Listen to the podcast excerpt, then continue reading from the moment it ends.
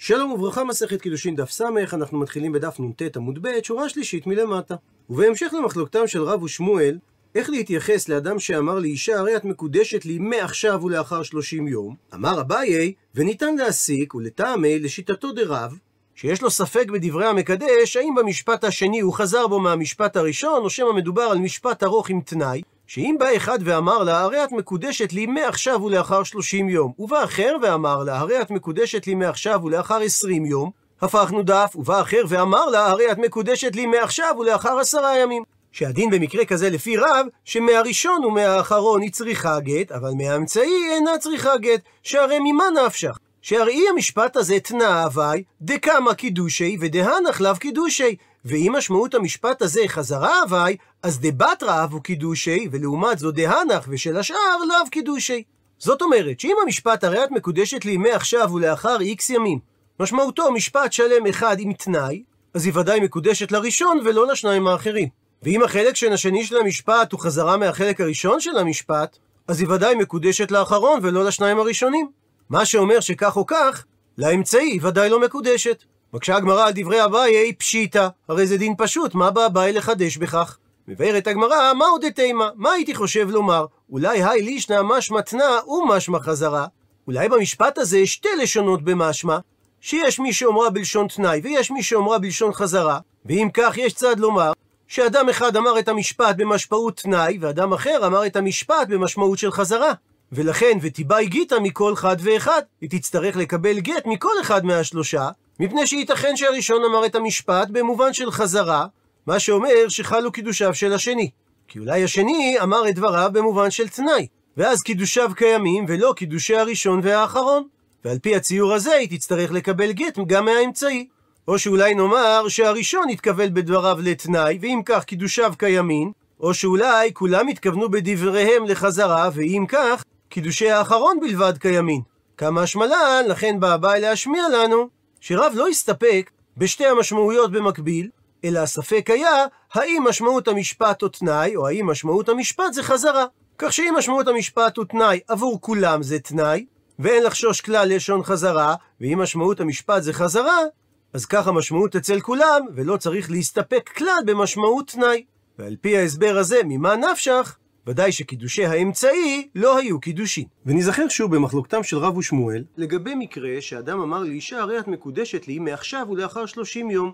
שאמר רב שהיא מקודשת ואינה מקודשת לעולם, מפני שהוא הסתפק, האם מדובר על אמירה אחת שיש בה תנאי, או שמא מדובר על שתי אמירות שבהתחלה הוא אמר מעכשיו, ולאחר מכן הוא חזר בו ואמר לאחר שלושים יום. שמואל לעומת זאת אמר שהיא מקודשת ואינה מקודשת, דהיינו היא מקודשת לשני עד שלושים יום, והיא אינה מקודשת לשני לאחר שלושים יום, אלא לראשון. מפני שהיה פשוט לשמואל שמדובר על אמירה אחת שיש בה תנאי. ומביאה הגמרא דעה שלישית במחלוקת. אולה אמר בשם רבי יוחנן שאפילו מאה איש קידשו אותה בלשון הזאת של מעכשיו ולאחר זמן מסוים, אז תופסים בה הקידושים של כולם. וכן אמר רבי אסי שאמר רבי יוחנן, אפילו מאה תופסים בה.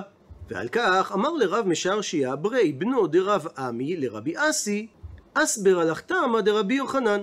בוא אסביר לך את טעמו של רבי יוחנן.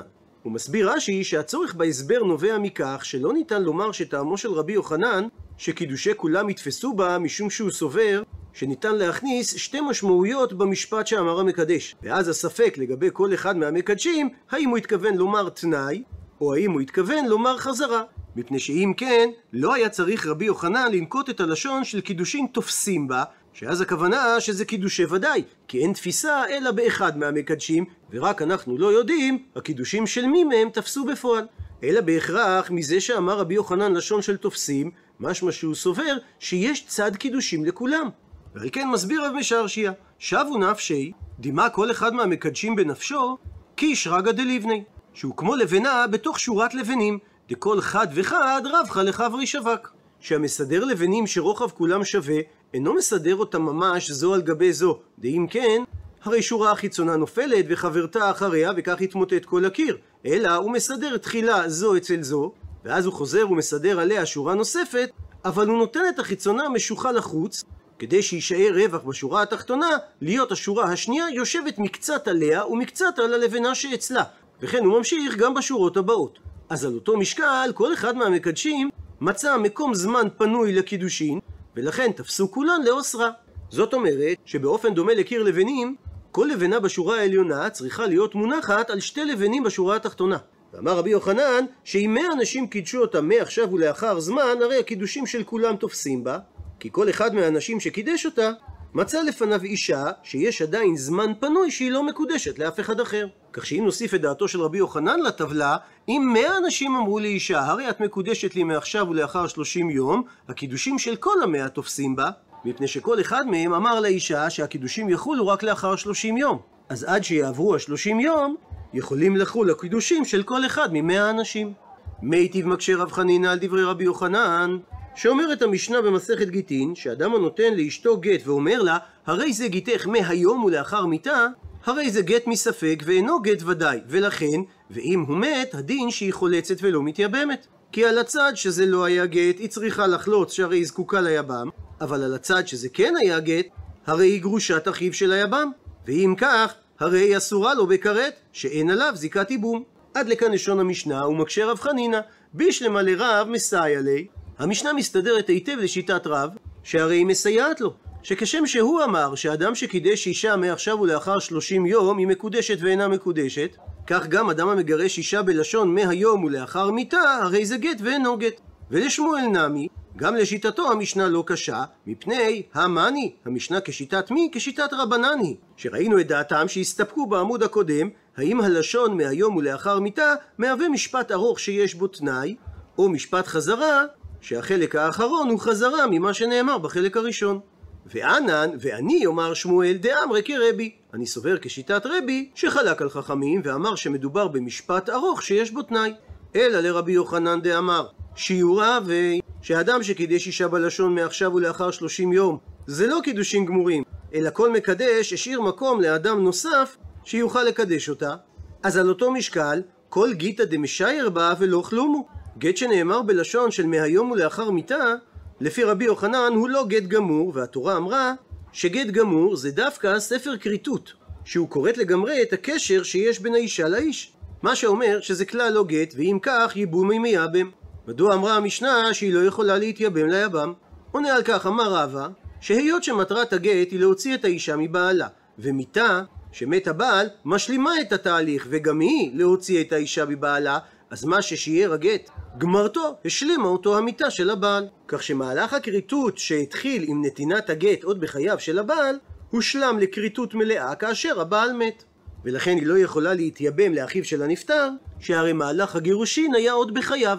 דוחה את הדברים, אמר לאביי, מי דמי? מה אתה מדמה בין שני המקרים? גט מוציאה מרשות יבם, אבל מיתה פועלת את הדבר ההפוך, שהיא מכניסה לרשות יבם. ולכן לא ייתכן לומר שמיתת הבעל משלימה את הכריתות שהייתה חסרה בגט.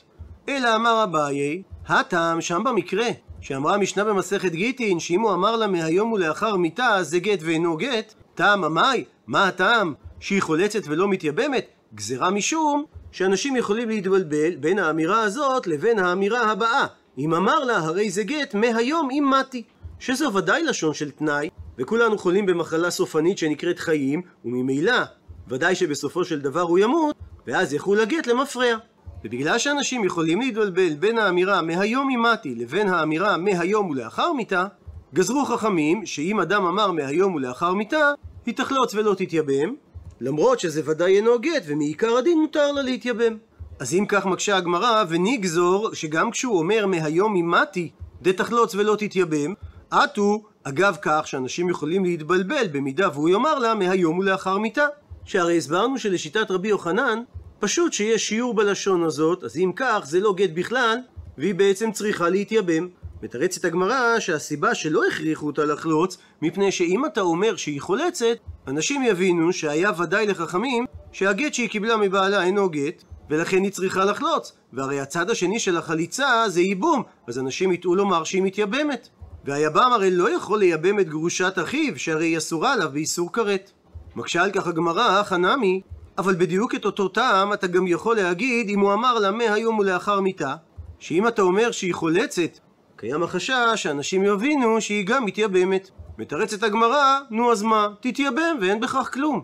שהרי איסור הייבום זה רק חששא דרבנן הוא, שגזרו שהיא לא תתייבם, אגב כך שאנשים יכולים להתבלבל במידה והוא יאמר לה את הלשון של מהיום אימתי. ואומרת המשנה, אדם האומר לאישה, הרי את מקודשת לי, בפרוטה זו, על מנת שאתן לך בהמשך 200 זוז. הדין שהרי זו מקודשת והוא ייתן. ואם לשון התנאי הייתה על מנת שאתן לך מכאן ועד 30 יום, אז אם נתן לה בתוך 30 יום היא מקודשת, ואם לא, והיא אינה מקודשת. ואם לשון התנאי הייתה על מנת שיש לי 200 זוז, הדין שהרי זו מקודשת, ובתנאי שאכן ויש לו 200 זוז. ואם התנאי היה על מנת שאראך 200 זוז, הרי זו מקודשת, ובתנאי ויראה לה את ה-200 זוז. והגמרא תסביר כמובן את ההבדל בין המקרים השונים. ואם הראה לה את סכום ה-200 זוז על השולחן, הדין שהיא אינה מקודשת. מסביר רש"י שמדובר שאותו אדם היה שולחני, זאת אומרת עוסק במקצוע החלפנות, שזה מסחר במטבעות, ומכל החלפנות נקרא חלפניה. אז אם אותו מקדש שהוא שולחני הראה מקודשת מעות שאינן שלו והם על השולחן שלפניו, הדין שהיא אינה מקודשת, מפני שהיא לא נתכוונה להתקדש לו, אלא אם הוא יראה לה 200 זוז משלו. ולגבי המקרה הראשון במשנה, שאמרה המשנה הרי זו מקודשת והוא ייתן, מביאה הגמרא איתמר מחלוקת המוראים, רב אונה אמר והוא ייתן, לכשירצה את הסכום של ה-200 זוז, ואז יחולו הקידושין למפרע. אמנם מודה רב הונא שאם מת המקדש קודם שניתנו לה המעות, היא אינה צריכה חליצה מאחיו, שהרי לא קיים תנאו, וממילא היא לא הייתה מקודשת לנפטר. רב יהודה לעומת זאת אמר, שלכשייתן את הסכום של ה-200 זוז, רק אז יחולו הקידושין. הוא מבאר את הגמרא כל אחת מהדעות. רב הונא אמר, והוא ייתן לכשירצה את הסכום ויחולו הקידושים למפרע, מפני שהלשון שאמר לה הרי את מקודשת לי על מנת שאתן לך 200 זוז, תנא אבי, ועל ידי נתינת הסכום מקיים תנא ואזיל. הוא יכול לקיים את התנאי מתי שהוא ירצה, והקידושים יחולו למפרע. רב יהודה לעומת זאת אמר, שהקידושים יחולו רק לכשייתן לה את הסכום, מפני שלכי יאיב אבו קידושי. המקדש התכוון שכאשר הוא ייתן לה את הסכום, אז יחולו הקידושין, ולכן השתא עכשיו מי הלא אהבו קידושי. לא חלים הקידושין. ושואלת הגמרא, מהי בניו? מה ההבדל למעשה בין שני ההסברים? עונה הגמרא, איכא בניו, יש ביניהם את ההבדל במקרה שפשטה ידה וקיבלה קידושין מאחר. קודם שיקיים הראשון את תנאו, ואחר כך עמד הראשון וקיים את תנאו ונתן לה את המאתיים זוז. לרב הונא שאמר, שאם קיום התנאי חלים למפרע קידושי הראשון, ממילא קידושי השני לא אהבו קידושי, שהרי קידושי הראשון חלים למפרע. לרב יהודה לעומת זאת, שאמר שרק עם קיום התנאי חלים הקידושים, שהרי הראשון לא נתכוון לקדשה בפרוטה שהוא נתן לה, אלא רק כאשר הוא ישלים לה את המאתיים זוז, והרי יקדמו לכך קידושי השני, לכן קידושי השני אהבו קידושי. ואומרת הגמרא שיש מחלוקת מקבילה, ותנא נמי גבי גיטין כי אי גבנה. מצינו מחלוקת במסכת גיטין על בסיס אותו עיקרון. שכך אומרת המשנה במסכת גיטין, האומר לאישה הרי זה גיתך על מנת שתתני לי 200 זוז, הרי זו מגורשת והיא תיתן. עד לכאן הציטוט מהמשנה, ועל כך איתמר נאמרה מחלוקת האמוראים הבאה. רב הונא אמר שהמשנה התכוונה והיא תיתן לו את הסכום של ה-200 זוז, ואז יחולו הגירושים למפרע. ורב יהודה אמר שמשמעות הלשון במשנה והיא תיתן, הכוונה שהגירושין יחולו לכשתיתן לו את ה-200 זוז. ומבארת הגמרא טעמו של כל אחד מהאמוראים. רב הונא אמר והיא תיתן, ויחולו הגירושין למפרע, מפני שהמשפט, הרי זה גיתך על מנת שתתני לי 200 זוז, הוא משפט שמכיל תנאי, והאישה, הווי מקרא מתנה ואז לה. היא מקיימת את התנאי בזמנה הפנוי, ואז יחולו הגירושים למפרע. רב יהודה לעומת זאת אמר, שהגירושין יחולו רק לכשתיתן לו את הסכום, מפני שהסיבה שהבעל התנה את מתן הגט בקבלת הכסף, כי רק לכי יהיב עליה הוא דעה וגט. שרק כאשר היא תיתן לו את המאתיים זוז, יחול הגט. השתא, ועכשיו מי הלא אבי גט? הרי היא לא נתנה לו את הכסף, וממילא לא חל הגט. הפכנו דף, ושואלת הגמרא, מהי ביניו? מה ההשלכה המעשית בין שני ההסברים? שהרי על כוכך לרב הונא, אין האישה יכולה להינשא עד שהיא תיתן לו את הסכום, שמא לא יתקיים התנאי, ואז הגט בטל, ובניה מאדם שהתחתנה איתו יהיו ממזרים. עונה הגמרא איכא בניו, יש ביניהם את ההבדל הבא, מקרה שנתקרע הגט, או שעבד לפני שהיא נתנה לו את הכסף. שלרב הונא, ברגע שהיא תיתן לו את הכסף, הווי גט, כי מתברר שהגירושין חלו משעה שהוא נתן לה את הגט בפועל, לרב יהודה לעומת זאת, גם אם היא תשלים לו את הכסף, לא הווי גט, שהרי אין לגירושין על מה לחול, כי הגט נתקרע או אבד. עד לכאן הסבר מחלוקתם של רב הונא ורב יהודה לגבי פירוש המשנה במסכת גיטין, וממילא נשאלת השאלה, מדוע הם היו צריכים לחלוק על אותו עיקרון גם בקידושין וגם בגיטין? ועל כך עונה הגמרא וצריכה. היה להם צורך לחלוק בשני המקרים. די ישמעינן גבי קידושין, את מחלוקתם, אז הייתי אומר שבהא כאמר רב הונא, רק בקידושין אמר רב הונא, חלים למפרע משעת נתינת הפרוטה, משום דלקירוב הקעתי. כי כל מטרת הקידושים היא לקרב ביניהם, ועל כן מסתבר לומר שהוא רצה למהר ולקרב אותה אליו וגמר את הקידושין בפרוטה שנתן לה. אבל במקרה המקביל של גירושין, ששם המטרה דלרחוקה קעתי להרחיק ביניהם, אימה ייתכן לומר שמודה לרב הונא לרב יהודה, שלא רצה הבעל המגרש שיחול הגט עד שהיא תיתן לו את מלוא הסכום, כי הוא קיווה, אולי יתפייסו בינתיים, שהרי אין אדם ממהר לרחק את אשתו. בסוגריים נאמר שבסוגיה המקבילה במסכת גיטין דף ע"ד, מביאה הגמרא את הצריכותא בדברי רב יהודה, כדי להשלים את התמונה מדוע הוא היה צריך לחלוק גם בגירושין וגם בקידושין. אבל בסוגיה שלנו, ממשיכה הגמרא ומביאה את הצריכותא לחלוק בקידושין גם לשיטת רב הונא, והיא איתמר בהך, ואם היה משמיע לנו רב הונא את דעתו לגבי הקידושין, אז הייתי אומר שבהך כאמר רב הונא שהיא מגורשת מיד, מפני שלא חשש הבעל לעכב את הגירושין עד שיקבל את המעות, משום דאי הוא לא כסף לילה מטבע. כי הוא לא מתבייש גם לאחר שהיא תהיה מגורשת לבוא ולהוציא ממנה את הכסף שהתחייבה. אבל הכה, כאן במקרה של הקידושין, דאי הכסיפה לילה מטבע, שאם הוא לא ישלים לה את מלוא הסכום, תתבייש האישה לתבוע ממנו את ההשלמה, אימה, אולי נאמר, שמועדה לרב לרב יהודה, שהיא לא מקודשת למפרע, שהרי היא לא נתרצת בקידושיה עד שייתן לה את הכסף בפועל. ולכן צריכה להשמיע את אותו עיקרון של מחלוקת גם בגיטין וגם בקידושין. מקשה הגמרא מאיתי וקושייה ממקור תנאי על דברי רב יהודה, שאומרת התוספתא בגיטין, אדם שאמר לאשתו הרי זה גיתך על מנת שתתני לי 200 זוז, אף על פי שנתקרע הגט או שאבד, קודם שהיא נתנה לו את מלוא הסכום, הדין שהרי זו מגורשת, אבל לאחר היא לא תינשא עד שתיתן לו בפועל את מלוא הסכום. והרי מכאן קושייה ראשונה על דברי רב יהודה, שהרי אמרנו שהנפקמינה בינו לבין רב הונדה, שבמקרה שנתקרע הגט או שאבד, אז לרב יהודה זה לא נחשב גט למפרע. ועוד מביאה הגמרא קושייה נוספת על רב יהודה, תניא, ששנינו בברייתא, שאם אמר לה הבעל, הרי זה גיתך על מנת שתתני לי 200 זוז ומת, אז אם היא נתנה לו את ה-200 זוז קודם שהוא מת, הרי היא גרושתו לכל דבר ועניין, ואין היא זקוקה ליבם. אבל אם היא לא נתנה לו את הכסף לפני שהוא מת, הרי היא זקוקה ליבם. רבן שמעון בן גמליאל חולק ואומר, שגם כאשר הוא מת, נותנת היא את הכסף לאחיו או לאביו או לאחד מן הקרובים שלו. עד לכאן לשון הברייתא, ומקשה הגמרא. עד כאן לא פליגי, לא נחלקו התנאים, אלא דמר סבר, שזה תנא קמא. שאם היא לא נתנה לו את הכסף לפני שהוא נפטר, היא זקוקה ליבם, מפני שמה שהוא אמר לה שתתני לי 200 זוז, הכוונה דווקא לי ולא ליורשי. ומר סבר, שזה רבן שמעון בן גמליאל, שהיא יכולה לתת את הכסף גם לאחד מהקרובים שלו, מפני שכאשר הוא אמר לה שתתני לי, הוא התכוון אפילו ליורשי. הוא מדייק את הגמרא, דכולי עלמא מיה. אמנם כל התנאים במשנה מסכימים שהלשון הרי זה גיתך על מנת שתתני לי 200 זוץ, נאווי.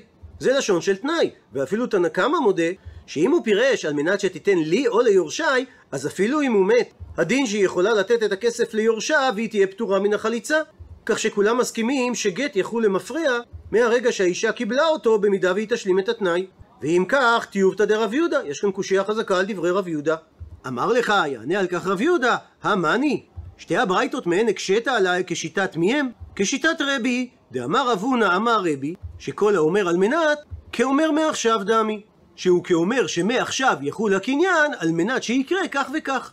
ופליגי רבנן עלי, וחכמים חלקו על רבי, ואנא דאמרי, ואני רב יהודה אומר כרבנן. ואגב שהוזכרו הדברים, אומרת הגמרא גופה, בוא נעסוק בגוף הדברים שאמר רב הונא אמר רבי, כל האומר על מנת כאומר מעכשיו דמי, שאמר רב זיירא, כי אבינן בבבל, כאשר עוד הייתי בבבל, הווה אמרינן, אז היינו סוברים שהדה אמר רב הונא אמר רבי, שכל האומר על מנת כאומר מעכשיו דמי, פליגי נחלקו רבנן עלי. והם סוברים שכל האומר על מנת לא כאומר מעכשיו דמי. אבל כי סלקה לאטם, כשעליתי לארץ ישראל, אשכחי מצאתי לרבי אסי דייתי וכאמר לה שהיה יושב ואומר את השמועה הזאת משמי דרבי יוחנן בנוסח הבא הכל מודים באומר על מנת כאומר מעכשיו דמי ולא נחלקו חכמים ורבי אלא כאשר הוא אמר מהיום ולאחר מיתה כלומר מסביר רש"י לא היה ספק לחכמים אם משמעות הלשון על מנת זה תנאי או חזרה בו בדבריו אלא הם הסתפקו בדבר בלשון במהיום ולאחר מיתה ומביאה הגמרא הוכחה להסבר הזה והתניא שכך שנינו בברייתא, שאם אדם אמר לאישה הרי זה גיתך מהיום ולאחר מיתה, הדין שזה גט ואינו גט. אלו דברי חכמים, שהסתפקו במשמעות דבריו, האם מדובר על משפט אחד ארוך שיש בו תנאי, או שמדובר על שני חלקי משפט, שהשני הוא חזרה מהראשון. רבי לעומת זאת חולק ואומר, שכזה בדיוק הוא גט כשר, מפני שהוא סבר שמדובר במשפט אחד ארוך, שיש בו תנאי ודאי, והוא התכוון שיחול הגט מעכשיו בתנאי שהוא ימות.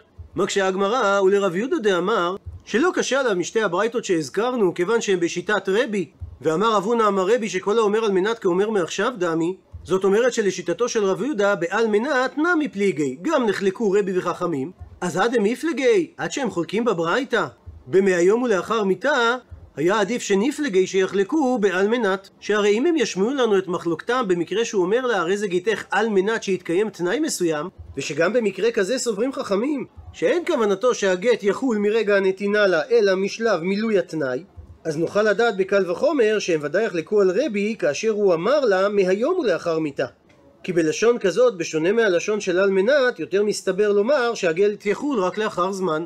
מתרצת הגמרא שהם נחלקו דווקא בלשון מהיום ולאחר מיתה כדי להודיעך כוח דרבי עד כמה הוא מקל.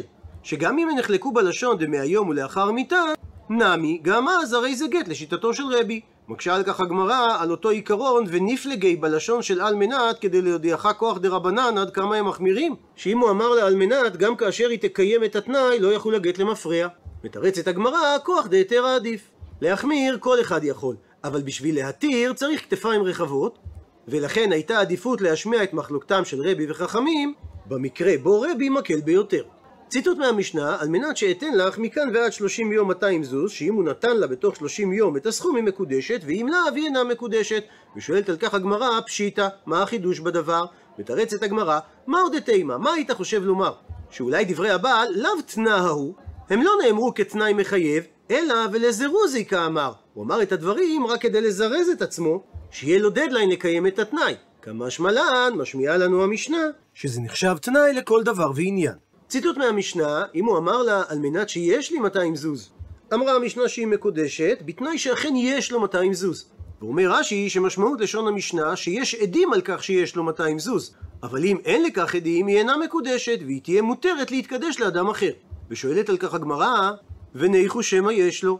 מדוע שלא נחשוש שיש למקדש 200 זוז גם אם אין לו על כך עדים? ועוד תניא, וכך גם אומרת במפורש התוספתא, שבמקרה כזה חיישינן שמא יש לו, ולכן היא מקודשת מספק. מתרצת הגמרא לא קשיא, הא, במשנה שלנו מדובר בקידושי ודאי, שרק אם אנו יודעים על ידי עדים שיש לו את הסכום, אז היא מקודשת לו בקידושי ודאי. לעומת זאת, הא, בתוספתא מדובר בקידושי ספק. כך שאפילו אם אין עדים שמעידים שיש לו את ה-200 זוז, הדין שהיא ספק מקודשת, והנפקמינה בין שני המקרים, שאם בא אדם אחר וקידשה, היא לא תהיה מקודשת. במקרה שמדובר על קידושי ודאי, מה שאין כן במקרה שאין לו עדים על כך שיש לו את הסכום, אז אנחנו חוששים שמא יש לו את הסכום, ואז היא מקודשת לו מספק, ואינה מותרת לאחר. אבל אם היא תקבל קידושין מאדם אחר, אז היא תצטרך לקבל ממנו גט, במידה והיא תרצה להתחתן עם מישהו אחר, מפני שייתכן שהקידושים הראשונים לא היו קידושין. ציטוט מהמשנה, אדם האומר לאישה, התקדשי לי על מנת שאראך 200 זוז, הרי היא מקודשת מפני שהוא יראה לה מעות משלו דווקא. ועל כך אומרת הגמרא, תנא, שנינו בתוספתא שהסיבה לדבר, כי היא לא נתכוונה אלא לראות את הכסף שהוא משלו. ולכן, אם הוא הראה לה על השולחן שלפניו סכום כסף, והמקצוע שלו שולחני, כך שהמעות אינם שלו, היא אינה מקודשת לו. ציטוט מהמשנה, ואם הראה לה על השולחן, אינה מקודשת. ושואלת על כך הגמרא, פשיטא, הרי זה דין פשוט, מה באה המשנה לחדש? מתרצת הגמרא, לא צריכה. לא נצריכה המשנה להשמיע לנו את הדין הזה, אלא כדי לומר, דאף על גב דנקת דמי בעסקה, שגם אם הכסף שהוא הראה לה לפניו על השולחן, הוא אמור להרוויח ממנו מחצית מהרווח, כיוון שהמעות הללו לא שלו לגמרי, הדין שהיא אינה מקודשת. ואומרת המשנה, אדם שאמר לאישה, התקדשי לי על מנת שיש לי בית כור עפר, והכוונה למקום שראוי לזרוע בו 30 שאים של שעורה. במקרה כזה הרי זו מקודשת, במידה ויש לו אכן בית כור עפר. ואם הוא אמר לה הרי את מקודשת לי על מנת שיש לי במקום פלוני בית כור עפר, אז רק אם יש לו באותו מקום ספציפי היא מקודשת, ואם לאו היא אינה מקודשת. ואם הוא אמר לה הרי את מקודשת לי על מנת שאראך בית כור עפר, הרי זו מקודשת ויראנה את הבית כור עפר שהוא קידש אותה בו. ואם הראה לה באופן כללי, בבקעה, שיש בה כמה בתי קורין, אבל אין אחד מהם שלו, הדין שהיא אינה מקודשת. ושואלת הגמרא, מדוע אמרה המשנה במקרה הראשון שהיא מקודשת רק אם יש לו להראות לה בעדים שיש לו בית כור עפר? וניחוש, מדוע שלא נחשוש שמא יש לו בית כור עפר, גם אם אין לו על כך עדים, ואז היא תהיה מקודשת מספק. ועוד תניא, וכך גם שנינו בתוספתא, שבמקרה כזה חיישינן שמא יש לו. מתרצת הגמרא לא קשיא, הא, במשנה מדובר בקידושי ודאי, שאם יש לו עדים על כך שיש לו בית כור עפר, אז הקידושים שלו הם קידושי ודאי, וגם אם היא קיבלה קידושים מאחר, הם לא תופסים.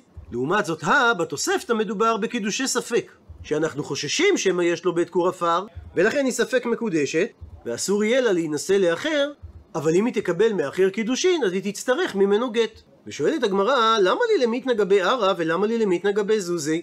מדוע צריך לשנות את אותו עיקרון פעם אחת לגבי קרקע ופעם אחת לגבי זוזים, שהרי הדינים בשתי המשניות האחרונות זהים זה לזה? מתרצת הגמרא צריכה.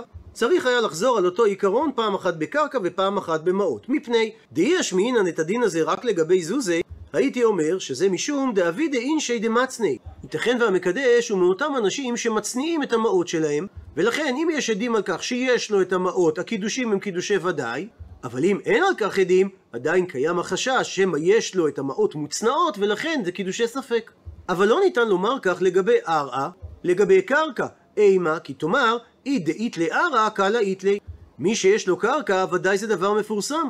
אז אם אנחנו לא יודעים על כך שיש לו על פי עדים, זה אומר שאפילו קידושי ספק אין כאן. כמה שמלן, לכן באה המשנה, וחזרה על הדינים הללו גם לגבי קרקע, כדי להשוות אותם אחד לאחד להלכות לגבי זוזים, כמו שלגבי זוזים, אם יש לו על ידי עדים, אז זה קידושי ודאי, ואם אין לו על ידי עדים, אז זה קידושי ספק, אותו דבר לגבי קרקע, אם יש לו על כך עדים זה קידושי ודאי, ואם אין לו על כך עדים זה קידושי ספק. ציטוט מהמשנה, אם אמר לה על מנת שיש לי במקום פלוני, אז רק אם יש לו באותו מקום היא מקודשת, ואם לאו היא אינה מקודשת. שואלת על כך הגמרא, פשיטא, הרי זה דין פשוט, מה באה המשנה לחדש? עונה הגמרא, מהו דתימה? מה היית חושב לומר? שאולי היא מקודשת גם אם יש לו קרקע במקום אחר. מפני דאמר לה המקדש לאישה, מהי נפקא לך מינה? מה זה משנה לך אם השדה קרובה או רחוקה? אנא טרחנה ומייטינה. בסופו של דבר, אני זה שאטרח להביא את התבואה לביתי. כמה שמלן, לכן באה המשנה להשמיע לנו, שגם במקרה כזה היא לא מקודשת. ציטוט מהמשנה, אם אמר לה על מנת שערך בית כור עפר, הרי זו מקודשת ויראנה. אומרת הגמרא תנא, שנינו לקח בתוספתא, שהיא מקודשת רק אם הוא מראה לקרקע שהיא שלו, שהרי לא נתכוונה זו להתקדש לו, אלא בתנאי לראות קרקע משלו. ציטוט מהמשנה, ואם הראה לה בבקעה היא אינה מקודשת. ושוב שואלת לקח הגמרא, פשיטא, הרי זה דין פשוט, מה באה המשנה לחדש? מתרצת הגמרא לא צריכה, לא נצריכה המשנה להשמיע לנו, אלא במקרה דנקית בדיסטורה, שהוא מראה לה בבקעה קרקע שהוא לוקח בהריסות, זאת אומרת שחלק מהתבואה הוא נותן לבעלים של השדה, וחידשה המשנה שגם במקרה כזה היא אינה מקודשת, כיוון שבסופו של דבר הקרקע לא שייכת לו. עד לכאן דף סמך.